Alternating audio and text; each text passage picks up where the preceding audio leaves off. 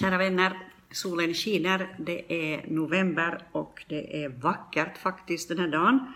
Och vi har första Korinthierbrevet 15 framför oss. Ehm, ett kapitel som faktiskt är jättelångt. Eh, det handlar om eh, nästan 60 verser och det betyder att jag kommer inte att kommentera allt den här gången utan sparar en del till nästa gång då vi alltså har framför oss det sista kapitlet, kapitel 16, som i sin tur är ganska kort plus att den innehåller en hel del hälsningar, eh, vilka jag inte kommer att kommentera så mycket. Så det betyder att vi eh, stannar i vers 34 idag och så fortsätter vi nästa gång med vers 35 i kapitel 15. Och eh, jag kommer att läsa texten först och sen så ska jag säga några saker kring det här. Paulus skriver så här, bröder, jag vill påminna er om evangeliet som jag predikar för er, som ni tog emot och som ni står fasta i. Genom evangeliet blir ni frälsta om ni håller fast vid ordet som jag förkunnade. Annars var det ingen mening med att ni kom till tro. Jag förde vidare till er det allra viktigaste, vad jag själv har tagit emot, att Kristus dog för våra synder enligt skrifterna, att han blev begravd, att han uppstod på tredje dagen enligt skrifterna och att han visade sig för Kefas och sedan för de tolv. Därefter visar han sig för mer än 500 bröder på samma gång. De flesta av dem lever än, även om några har insomnat. Sen visar han sig för Jakob och därefter för alla apostlarna. Allra sist visar han sig också för mig som för ett ofullgånget foster. Jag är ju den minste av apostlarna, inte värd att kallas apostel eftersom jag har förföljt Guds församling. Men genom Guds nåd är jag vad jag är och hans nåd mot mig har inte varit förgäves, utan jag har arbetat mer än de flesta, fast inte jag själv utan Guds nåd som varit med mig. Och vare sig det nu var jag eller de andra, så är det, så är det detta vi förkunnar och detta ni har kommit till tro på. Men om det då predikas att Kristus har uppstått från de döda, hur kan då några bland er säga att det inte finns någon uppståndelse från de döda? Om det inte finns någon uppståndelse från de döda har eh, inte heller Kristus uppstått. Men om Kristus inte har uppstått, då är vår predikan meningslös och även er tro meningslös. Då står vi där som falska vittnen om Gud, eftersom vi har vittnat om Gud att han uppväckt Kristus, som han ju inte har uppväckt ifall det verkligen är så att döda inte uppstår. För om döda inte uppstår har inte heller Kristus uppstått. Men om Kristus inte har uppstått, då är er tro meningslös och ni är fortfarande kvar i era synder. Och i så fall är det som insomnat i Kristus förlorade. Om det bara är för detta livet vi har vårt hopp till Kristus, då är vi de ömkligaste av alla människor. Men nu har Kristus verkligen uppstått från de döda som förstlingen av de insomnade. Eftersom döden kom genom en människa kom också de dödas uppståndelse genom en människa. Liksom alla dör i Adam så ska också alla göras levande i Kristus. Men var och en i sin ordning, Kristus som förstlingen och därefter när han kommer det som tillhör honom. Sen kommer slutet när han överlämnar riket åt Gud Fadern sedan han gjort slut på varje välde, varje makt och kraft. Han måste regera tills han har lagt alla fiender under sina fötter. Som den sista fienden berövas döden sin makt, för allt har han lagt under hans fötter. Men när det sägs att det är lagt under honom gäller det självklart inte Gud som har lagt allt under Kristus. Och när allt har blivit lagt under honom, då ska sonen själv underordna sig den som har lagt allt under honom, så att Gud blir allt i alla. Vad uppnår annars det som döper sig för de döda? Om döda alls inte uppstår, varför döper de eh, sig då för deras skull? Och vi, varför utsätter vi oss för faror jämt och ständigt? Jag dör varje dag, så sant jag som, eh, som jag i vår Herre Jesus Kristus är stolt över er bröder. Om jag hade tänkt som människor i allmänhet när jag kämpade mot vilddjuren i Efesos, vad hade jag haft för nytta av det? Om döda inte uppstår kan vi äta och dricka för imorgon dör vi. Låt inte bedra er. Dåligt sällskap fördärvar goda vanor. Nyktra till på allvar och synda inte. Några av er känner inte Gud. Till er skam säger jag det. Och då tar vi en paus här och fortsätter eh, med texten sen nästa gång. Men vi ska titta på det här. Eh, Paulus börjar med att hänvisa till evangeliet, de goda nyheterna. Och det är väldigt viktigt att vi verkligen förstår evangeliet, inte bara på en intellektuell nivå, men förstår det med hela hjärtat så att vi kan ge en personlig respons på evangeliet. Därför att evangeliet är sänt till oss och sänt till alla människor för att man ska ge en respons på det. Uh, och Paulus säger så här att jag vill påminna er om evangeliet som jag predikar för er, som ni tog emot och som ni står fasta i. Så han säger att de, de har gjort två saker med evangeliet, uh, de här människorna i Korint, när de fick evangeliet. De har dels, för det första, de har tagit emot evangeliet, de har själva sagt att det här vill jag ta in i mitt liv, det här vill jag sätta min tro på. Det här gäller mig och nu accepterar jag det. Nu liksom böjer jag mig för det som evangeliet står för. De har tagit emot det och så säger han också att de står fasta i evangeliet. Eh, evangeliet som ni tog emot och som ni står fasta i. Det är en sak att ta emot någonting, det är en annan sak att i det här maratonloppet som vi ju springer när vi lever ett långt liv, det är en annan sak att stå fast i evangeliet, att återkomma till det, att leva av det och att vara beroende av det dag för dag. Och det säger Paulus att, att de är och, eh, och att de har gjort i Korint. Trots alla möjliga Eh, konstigheter som de sysslar med där och som de behöver korrigering i, så har de tagit emot evangeliet. Det är ett faktum och de står fasta i det här evangeliet. Och genom evangeliet blir ni frälsta, säger Paulus, om ni håller fast vid ordet som jag förkunnade. Annars är det ingen mening med att ni kom till tro. Så att komma till tro handlar inte bara om att göra ett engångsbeslut och sen fortsätter man som om ingenting egentligen skulle ha hänt, utan det handlar om att hålla fast vid ordet. Det hittar du där i vers 2. Annars är det ingen mening med att man kom till tro. Det handlar alltså inte om en engångsupplevelse eller erfarenhet. Det handlar om att börja en vandring med Herren, en vandring som vi praktiserar varje dag. Okej, okay. um, och då kommer Paulus till något jättehäftigt här och det börjar i vers 3. Jag förde vidare till er det allra viktigaste, vad jag själv har tagit emot, att Kristus dog för våra synder, att han blev begravd begravd och att han uppstod på tredje dagen. Och så kommer han till det här märkliga där han börjar säga att Kristus har inte bara dött för våra synder, eh, Kristus har inte bara blivit begravd, men han uppstod på tredje dagen och det är inte liksom bara någon sån här andlig tanke detta att han uppstod, utan han säger så här att han visade sig för Kefas, det vill säga för Petrus, och sedan för de tolv. Och så fortsätter det där. Han visar sig inte bara för Petrus och för de tolv, utan han visar sig också för mer än 500 bröder på samma gång. De flesta av dem lever än och kan liksom intyga underförstått att de har varit med om det här. Och så visar han sig för Jakob och sen för alla apostlarna och sen har han visat sig allra sist för Paulus eh, och som kallar sig för ett ofullgånget foster. Han är liksom inte alls något stolt över det han har gjort tidigare, men han är övertygad om detta, att han har fått uppleva att Jesus har visat sig för honom.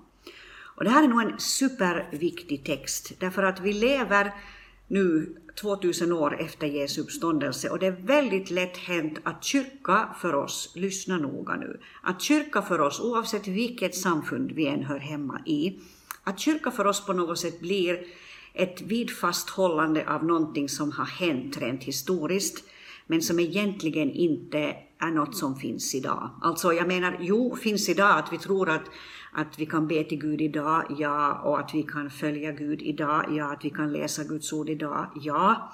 Men detta att Jesus skulle leva verkligen och fortfarande visa sig för människor, fortfarande göra sig tydlig för människor, det är inte, skulle jag vilja påstå, en så väldigt eh, tydlig del, eller åtminstone är det ingenting man ser hos kristna idag, att man skulle räkna med att det här är en verklighet. Men här säger alltså Paulus att Jesus visade sig eh, för mer än 500 bröder, eh, hände troligen i Galileen. Det står ju i, i Matteus 28, där i slutet så står det så här att, att eh, Jesus sa så här, gå och säg till mina bröder att de ska gå till Galileen, där ska de få se mig. Eh, och eh, vi läser ett, ett antal hänvisningar, till exempel i Lukas 24.36 och i Johannes 20.19, om hur Jesus efter uppståndelsen visar sig för sina lärjungar. Jag ska ta det här som finns i Lukas 24 så får du ett exempel på det här. Det här är alltså efter uppståndelsen. Och då kommer Jesus till dem och det är alltså inte någon sån här våldnad eller något spökliknande som kommer, utan det är Jesus i precis samma levande version som den Jesus de hade umgåtts med innan han dog. Det står så här i vers 36. Uh, ah, medan de talade om detta stod Jesus själv mitt ibland dem och sa till dem, frid vare med er. Uppskakade och rädda trodde de att det var en ande de såg. Men han sa till dem, varför är ni så oroliga? Varför kommer det upp tvivel i era hjärtan? Se på mina händer och mina fötter att det verkligen är jag. Rör vid mig och se. En ande har inte kött och ben som ni ser att jag har. När han hade sagt detta visade han dem sina händer och sina fötter. När de i sin glädje och förundran fortfarande inte kunde tro sa han till dem, har ni något ätbart här? Då räckte de honom en bit stekt fisk och han tog den och åt inför deras ögon.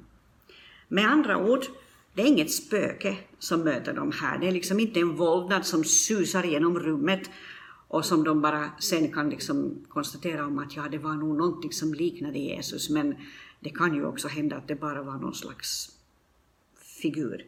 Utan Jesus säger se på mina händer, se på mina fötter. Och de får känna på honom. Och till sist säger han, har ni något att äta här? Jag liksom lever inte av ingenting. Och, och så äter de tillsammans. Eh, och, ja, så allt det här visar oss att uppståndelsen verkligen var någonting som Paulus då här i första Korinthierbrevet 15, som han verkligen vill understryka att det var en sak som hände på riktigt. Jesus har visat sig för dem alla.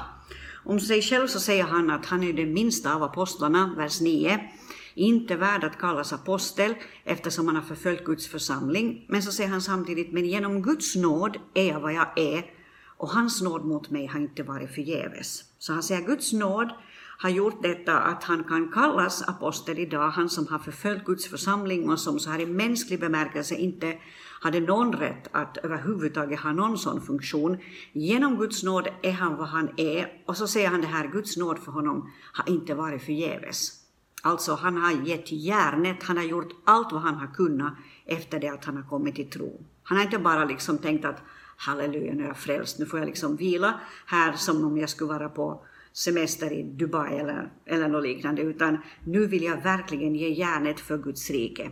Han säger att jag har arbetat mer än alla de andra, fast inte jag själv, utan Guds nåd som har varit med mig. Så han hänvisar samtidigt till nåden som har varit kraften, eh, som har verkat genom honom. Han har arbetat mer än de flesta, han har verkligen gett järnet.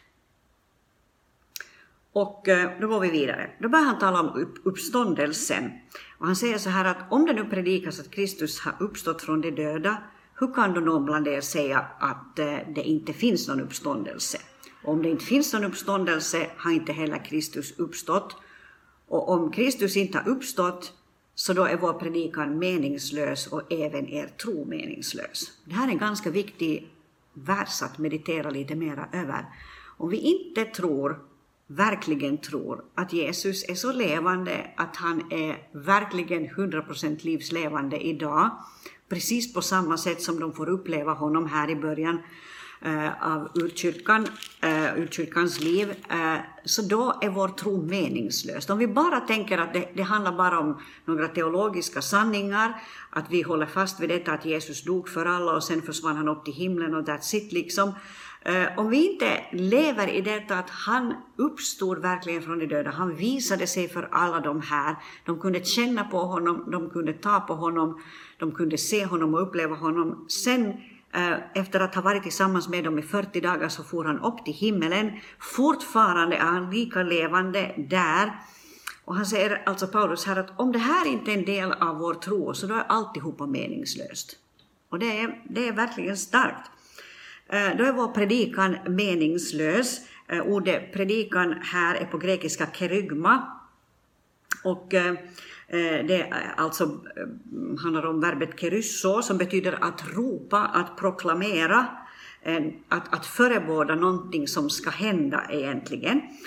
Och Paulus gör en skillnad mellan undervisning och predikan här i ordet. Och predikan, som jag förstår det, så är någonting som egentligen är någonting som adresseras till människor som ännu inte har kommit till tro. Så när Paulus predikar och använder ordet eh, kerysso, att ropa, att proklamera, att förebåda någonting som ska hända, då är det någonting som behöver ske bland människor som ännu inte har kommit till tro. Sen talar Paulus förvisso också om detta, att, att undervisa eh, och att, att man i församlingen undervisades om att, vad det innebär att vara troende. Och hela första Korinthierbrevet är ju liksom en mastig samling undervisning egentligen. Eh, I Apostlagärningarna 2.42 så står det att man höll sig i utkyrkan till apostlarnas undervisning. Och då är det ett annat ord som används här. Och jag tror att det är viktigt att vi som kristna idag ser skillnaden mellan predikan, eh, som alltså främst är riktad mot människor som ännu inte har kommit till tro. Och därför tänker jag så här att, att jo, eh, jag vet att det finns människor som liksom efterlyser predikan i gudstjänsten på söndagen klockan 11 eller klockan 16 eller när gudstjänsten nu är. Men jag tänker så här att i de flesta församlingar, nu kan ju det här variera, men, men åtminstone där jag rör mig, så i de flesta församlingar så där sitter färdigt troende människor. De behöver inte en predikan i bemärkelsen att man, man, man ropar ut det som är evangeliet och som egentligen är till för människor som ännu inte har fått ta emot evangeliet. När troende samlas då behövs undervisning och det är därför som jag sätter en en, ett extra fokus på undervisning när vi samlas på söndagarna. Jag vill att troende ska få mera kött på benen så att de inte bara har det som de fick i sig när de kom till tro utan att de kan växa i tron.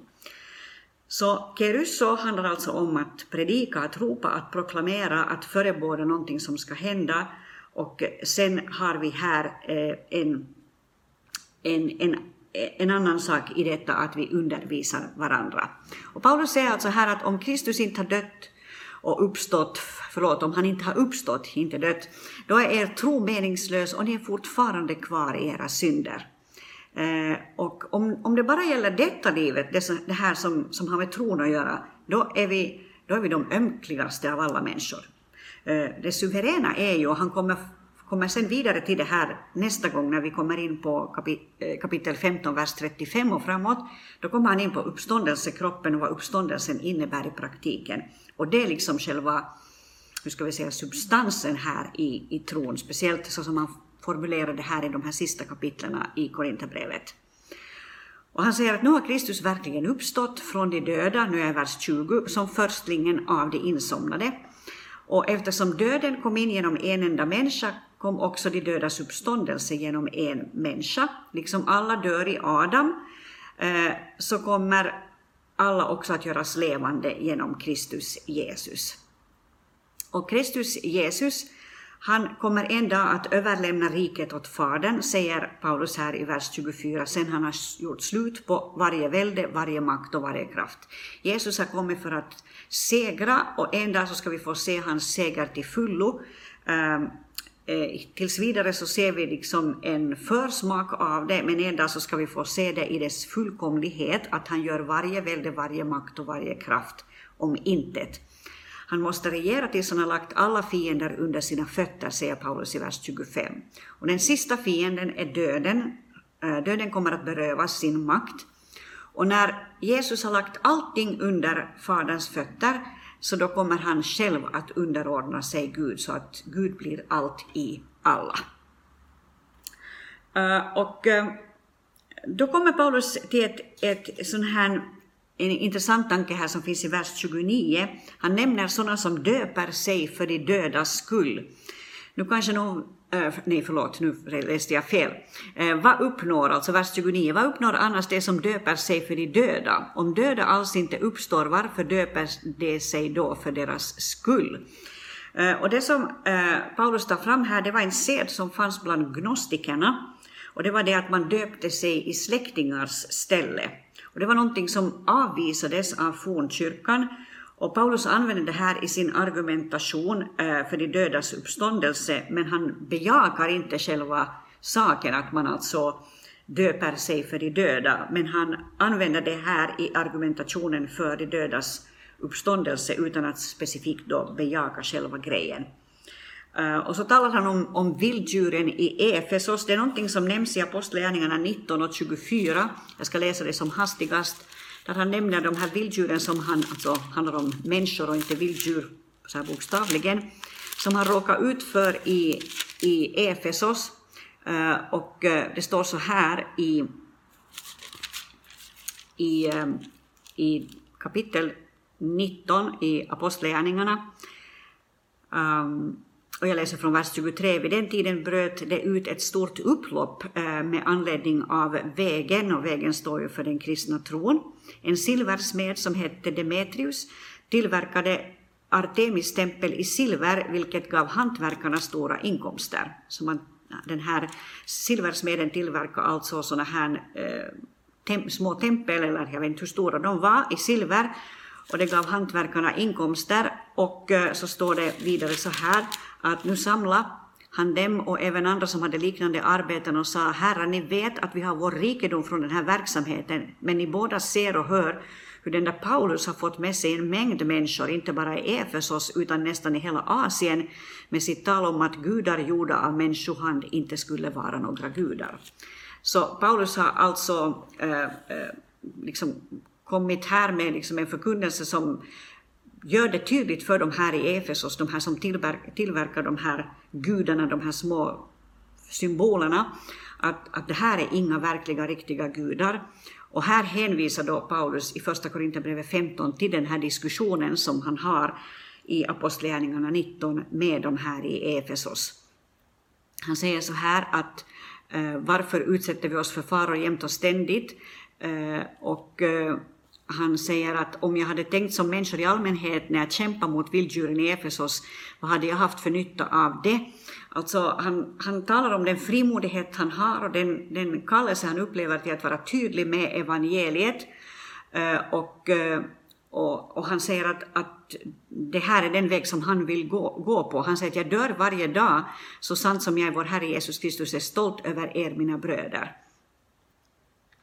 Eh, och, eh, och så avslutar han hela den här kontexten här fram till vers 34 med att, med att tala om vikten av att liksom skärpa sig i tron. Dåligt sällskap fördärvar goda vanor. Eh, han talar om att de behöver nyktra till, att de också i tanken antagligen behöver nyktra till i teologin och i tänkandet och att verkligen Eh, att det är viktigt att de verkligen lär känna Gud. Han säger att några av er känner inte Gud. Alltså ni har kommit till tro, ja, men ni har en ytterst liten kunskap om Gud och till er skam säger jag det. Eh, så Paulus visar på den frimodighet han har haft i sin förkunnelse, han visar på det som har skett när han var i Efesos, han visar på det att han utsätter sig för faror jämt och ständigt för evangeliets skull, därför att det är så viktigt att få ut evangeliet i dess fullhet.